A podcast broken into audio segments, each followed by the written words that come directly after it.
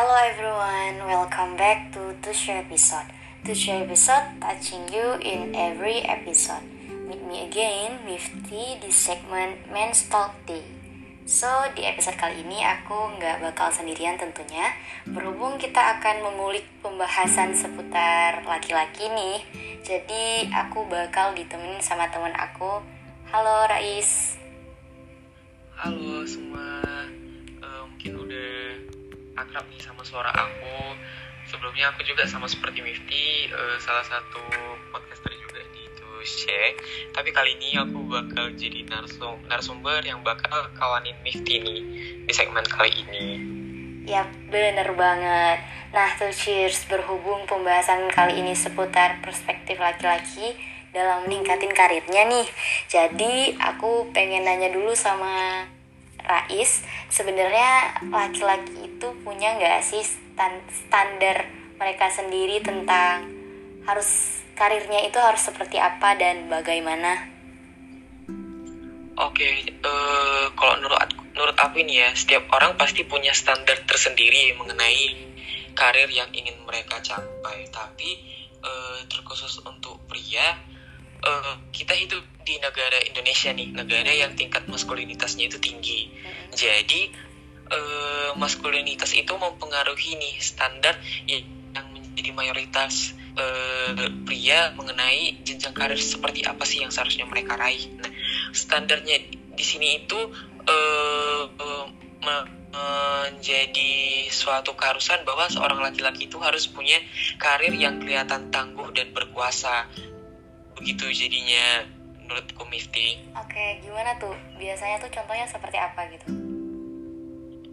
Oh, oke. Okay. Uh, uh, standar karir yang kesannya berkuasa dan kelihatan tangguh itu contoh uh, mereka yang memiliki titel contoh yang punya jabatan seperti misalnya sebagai direktur lah ataupun menjadi wali kota bupati ataupun mereka yang jadi PNS gitu. Nah kalau yang berseragam ini mungkin ya kita tahu lah seperti apa yang kita maksud seragam ya. Mereka yang kerja sebagai TNI ataupun Polri. Nah kurang kurang lebih udah menggambarkan standar uh, karir yang ada di Indonesia ini Berarti memang sebenarnya standar setiap orang itu tentunya berbeda-beda ya. Tapi uh, jadi aku teringat gini loh, kita kan terhitung remaja menuju dewasa nih. Nah kalau kita lihat dari faktor psikis, remaja-remaja sekarang itu justru mungkin kalau dibilang perempuan juga iya, tapi tetap yang paling mencolok itu laki-laki ya khususnya tentang mengambil schedule ya kalau dalam bahasa aku nih schedule kali luar gitu. Jadi kayak malam itu mereka work hard tapi paginya sleeping beauty gitu. Nah kalau dari kamu nih memang ini uh, kembali lagi ke diri masing-masing. Senyamannya bekerja senyamannya kita istirahat itu gimana? Tapi kalau dari sudut pandang kamu sebagai laki-laki bener nggak sih bahwa kaum pria itu mereka cenderung lebih suka bekerja di malam hari? Nah kalau bener emangnya kira-kira itu kenapa? Boleh jelasin dong?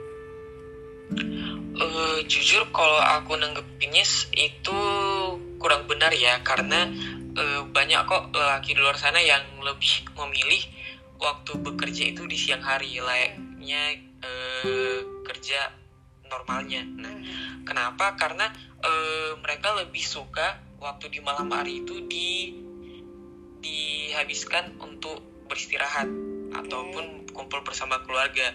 Tapi memang kalau kita lihat situasinya saat ini uh, ada pekerjaan-pekerjaan yang jam kerjanya itu lebih fleksibel. Nah, jadi ada aja nih mungkin berapa orang yang uh, lebih memilih bekerja di malam hari sehingga uh, di pagi harinya itu mereka bisa memiliki waktu luang yang orang-orang biasanya kerja di saat itu mereka uh, punya space gitu ya? Uh, keuntungan tersendiri. Iya begitu Mifti oke okay, oke. Okay.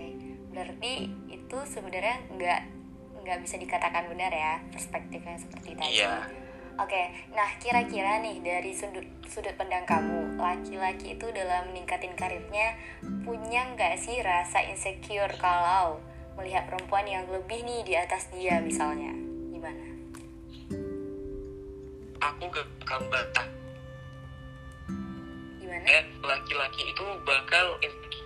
perempuan itu memiliki jenjang karir dari dirinya. Nah eh, eh, sebenarnya gini kita itu bakal insecure dengan orang yang memiliki jenjang karir yang lebih baik dari kita terlepas itu laki-laki ataupun perempuan. Oke. Tapi balik lagi nih ke konteksnya kita kan men's talk day nih iya iya. Eh bicara dan juga kita di negara yang kurang lebih tingkat maskulinitasnya tinggi nah aku bahas itu lagi. Oke. Kalau bu iya. Aku gak mau bahas mengenai eh, kaitannya dengan agama. Well itu ada dibahas tapi kalau kita menyangkut pautkan itu pembicaraan kita bakal lebih ribet. Iya tapi lebih ya kompleks betul banget. kan tapi nilai ataupun stigma yang ada di negara kita itu mempengaruhi pandangan kita bahwa kita laki-laki harus lebih baik dan harus menjadi yang nomor satu harus menjadi pemimpin di keluarga ataupun di society. Makanya jika perempuan itu lebih baik dari kita dalam soal karir pasti kita bakal merasa tersaingi. Itu yang terjadi Mifti bener-bener sih aku juga setuju. Bahkan nggak ada hanya di laki-laki di perempuan juga kadang seperti itu ya melihat eh, kalau ada perempuan yang lebih gitu pasti ada rasa-rasa kayak terlepas dari insecure mungkin ada juga yang kagum ya kayak gitu. Hmm, oke ya bisa juga. Oke, Eh, by the way nih, aku pernah baca sebuah artikel kan yang sebagian isinya tuh menggambarkan bahwa kebanyakan laki-laki dalam meningkatin karirnya itu terlalu mandiri. Jadi jarang banget nih melibatkan orang lain bahkan hanya untuk sekedar meminta bantuan kayak gitu. Nah, kira-kira hal itu relate nggak sih dengan fakta di lapangan yang selama ini pernah kamu alami, Rais? Eh, relate bener karena gini Wow. orang itu laki-laki bantuan itu sering dikaitkan dengan ketidakmampuan dan kelihatan lemah jadi misalkan kita minta bantuan nih Mhm. orang nanti bakal ngira bahwa oh ternyata mereka gak mampu tuh di bagian ini mereka tuh ternyata lemah di bagian ini padahal sebenarnya bukan berarti dia tidak mampu Mhm. bukan bukan berarti dia meminta bantuan dia tidak mampu hanya oke. saja eh, kerjaan akan lebih baik jika bisa dihandle dengan dua orang atau lebih Mhm. tapi karena udah pandangan yang kurang lebih udah melekat nih di orang-orang itu tuh yang membuat laki-laki lebih aware untuk meminta bantuan ke orang lain kalau menurut aku seperti itu Mifti Oke, nah tuh cheers sudah tergambar kan? Berarti memang di fakta lapangannya itu ada benernya ya ini fakta yang tadi itu. iya Jadi eh, karena stigma masyarakat juga sih kayaknya yang yang membuat seorang laki-laki itu harus bener-bener eh, mandiri banget kayak gitu. Padahal nggak ada masalah sama sekali ya kalau misalkan dalam konteks pekerjaan kita meminta tolong kepada orang lain kan it's okay nggak sih kayak gitu. iya it's okay banget sebenarnya Oke oke. Nah kalau balik lagi ke topik nih, kita tentu membahas perspektif laki-laki dalam ningkatin karirnya. Boleh dong dari kamu di spill tips kamu nih Rais supaya eh, karirnya itu eh, gimana sih supaya bisa lebih baik kayak gitu. Ya mungkin memang ini berbeda-beda ya tiap orang dan tentunya ini juga nggak hanya berlaku untuk laki-laki dan justru mungkin karena pembahasan kita Men's Talk Day nih pasti banyak ciwi-ciwi yang juga penasaran. Boleh dong di spill tips and trick-nya. oke kalau tips dari aku nih ya eh sebenarnya simple pertimbangkan apa yang ingin kita ambil. Itu aja statement dari aku. Karena eh, jenjang karir itu berpengaruh besar terhadap eh, keberlangsungan hidup kita. Karena kan karir itu berkaitan dengan benefit yang kita raih yaitu penghasilan. Penghasilan untuk memenuhi kebutuhan kita selama kita hidup. Jadi eh, pertimbangkan segala hal. Contoh apa yang ingin kita ikuti apa yang ingin kita pilih dan risiko apa yang akan kita ketemui dan benefit apa yang akan kita dapat? Pertimbangan itu semua akan eh, menghasilkan sesuatu yang lebih baik.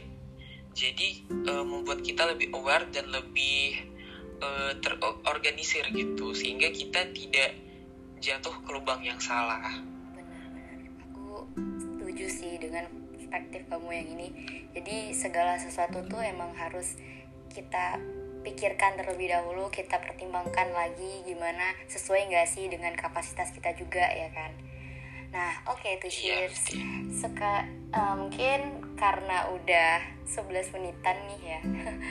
Mungkin hanya cukup sekian aku mau ucapin terima kasih juga nih buat Rais yang udah uh, sempatin waktunya untuk jadi uh, narasumber deh pada podcast kali ini ya uh, dan aku juga mau ucapin makasih banyak buat tuh cheers yang udah dengerin podcast ini sampai akhir anyway dari aku pribadi uh, tolong diambil yang baiknya dan buang jauh-jauh yang buruknya semoga kita baik laki-laki maupun perempuan bisa ningkatin karir kita dengan lebih baik ke depannya So that's all from us. See you on the next podcast in Tusha episode. Touching you in every episode. Bye-bye. Bye.